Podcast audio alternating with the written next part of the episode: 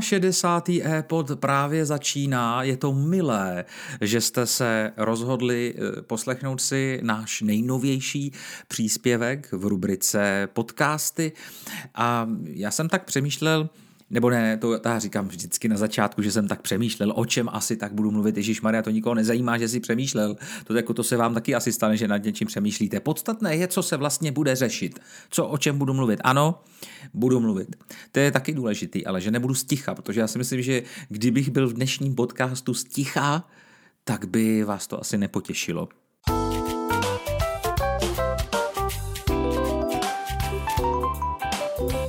E-pod deníku elisty.cz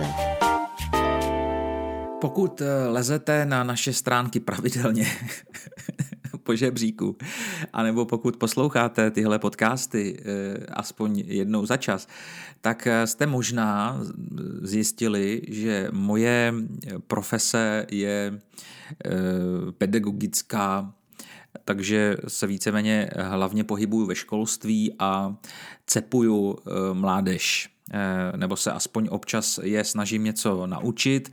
A ta role učitele není jenom eh, vzdělávací, ale i výchovná, což eh, ne vždycky jako jde dohromady a jde to nějak skloubit, ale my se o to, my všichni pedagogičtí, snažíme. Určitě. A já bych se dnes s vámi podělil o jeden takový svůj názor, dokonce bych řekl odhodlání. Je to vlastně celoživotní moje profesní odhodlání.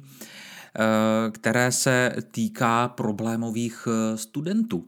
Protože mezi mými kolegy jsou tací, kteří vyloženě křičí, jak je některá třída nevzdělávatelná, jak je to tam složité, jak se tam nachází jedinci, se kterými je opravdu těžké pořízení a nejradši by je přetáhli rákoskou nebo ještě něčím eh, horším, čím měli po ruce, je a byli by rádi, když na ně spadla zářivka. Ne, já doufám, že toto si nikdo nepřeje, ale je to, chápu, že to je někdy těžké, ale já mám takový svůj dlouhodobý názor, že z toho pedagogického pohledu čím horší a čím zlobivější eh, a nezvladatelnější student nebo prostě dítě, no tak tím samozřejmě lépe, protože to je ta nejlepší pedagogická výzva, které se vám může dostat.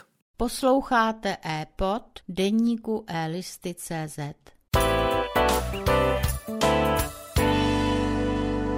Ano, takže někteří, kteří mají třeba ve třídě dvě a tři, více už je fakt jako problém, ale když tam mají jedno, dvě nezvladatelné děti, tak eh, zatímco ostatní křičí, pane bože, a sprásknou ručička, ruce takhle, jako já, já, já. a zatímco si jako z toho dělají hlavu, tak já mám radost, protože to je právě příležitost, kdy si můžete vyzkoušet eh, ty své schopnosti učitelské, jestli jako zvládnete tu osobu, tu bytost, která tam před vámi v podstatě dělá, podle někoho třeba zlo, podle někoho, ale oni na to mají i papír, oni mají na to papíry, pozor, oni mají z eh, pedagogicko-psychologických poraden, mají nejrůznější jako vysvětlení, vy se v tom musíte zorientovat, pokud možno jako zjistit, co tam vlastně hrozí, eh, jakým způsobem s tím dítětem pracovat. A teď jsem to opravdu asi eh, příliš trapně zjednodušil a možná jsem to lehce jako přesunul do úplně jiné roviny, než bych eh, se chtěl bavit. Tam skutečně eh, je potřeba rozlišit, když někdo eh, zlobí ve smyslu je třeba hyperaktivní a potřebujete s ním komunikovat trošku jinak a když někdo zlobí záměrně, jakože zlobí. Ono na první pohled se zdá, že to nedá úplně rozlišit, protože prostě zlobí a hotovo. Stejně vás to rozčiluje tak jako tak. Ale na druhou stranu je potřeba si tady ujasnit pojmy zlomyslnost a něco, co člověk nedělá tak úplně záměrně záměrně s ohledem na nějakou svoji eh, diagnózu. Vynecháme-li tedy eh, nějaké ty diagnózy typu ADHD a podobně, tak eh, pak tady máme skutečně čirou zlomyslnost. A to jsou eh, ti studenti nebo takové děti, které vám s radostí přibouchnou třeba dveře před nosem. Zrovna tuhle jedna kolegyně si právě na tohle chování jednoho Vojtěcha stěžovala. Nebo vám třeba přilepí žvejkačku někam na židli nebo něco se špendlí špendlíkem udělají nebo propíchají. Mě takhle jednou propíchali ze zlomyslnosti a mně se to strašně líbilo a mě místo toho, aby mě to rozčílo, tak mě se to bohužel, bohužel líbí. Oni mě e, rozpíchali špendlíkem, seděl na stole láhev s pitím a oni u toho hrdla udělali špendlíkem takové malinké dírky. A samozřejmě ve chvíli, vy, vy ty dírky na první pohled nevidíte a když se chcete napít, tak teprve v tom momentě vám to dojde. Řeknete si, aha, tady mi něco teče, je, je. no a to je vlastně výbuch, ten, ten výbuch smíchu a ta radost, že jste se prostě polili.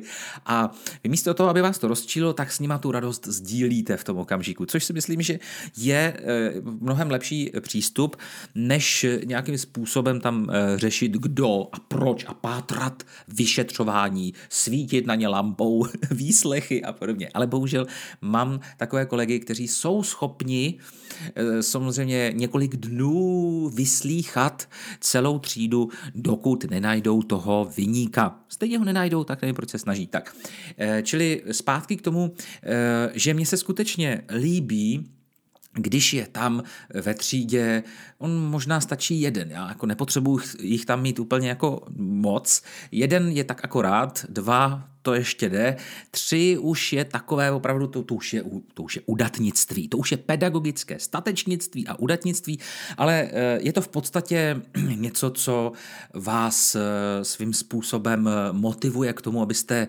vy třeba i sami na sobě poznali, jaké netušené schopnosti máte. Já vím, že jsou různé metodiky, jak třeba se zlomyslností zacházet, jak s ní pracovat, jak reagovat na určité eh, krizové situace.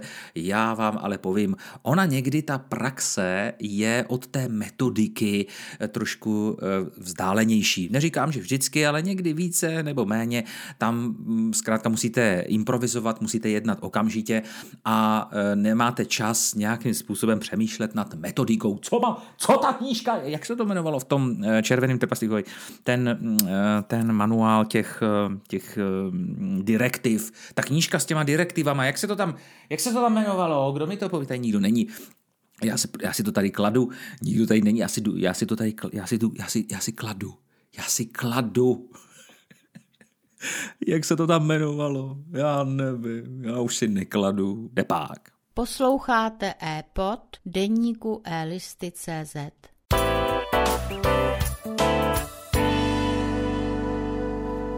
No, eh, z mého projevu je jasné, že ani se mnou to studenti a děti nemají jednoduché, protože i já jsem těžko zvladatelný učitel a pravda je, že eh, kolikrát jsem na to i nedoplatil.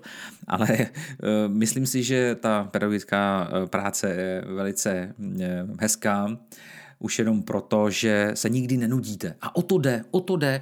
Eh, pokud máte to štěstí a máte práci, ve které se nenudíte, tak eh, pak je to trada, když někam chodíte z vesela, eh, má to určitě i vliv na to vaše okolí a není to potom třeba tak frustrující, když musíte ráno vstávat a máte třeba až do deváté vyučovací hodiny, což je prosím vás v 16.00 a obzvlášť v pátek vás to nepotěší, protože v 16 hodin, do 16 hodin mít v pátek, to je už opravdu velmi náročné. Pokud ještě učíte od 8 a nemáte tam eh, moc eh, pauzy, tak eh, opravdu náročné to je. Ale na druhou stranu, jak říkám, Práce to nudná rozhodně není.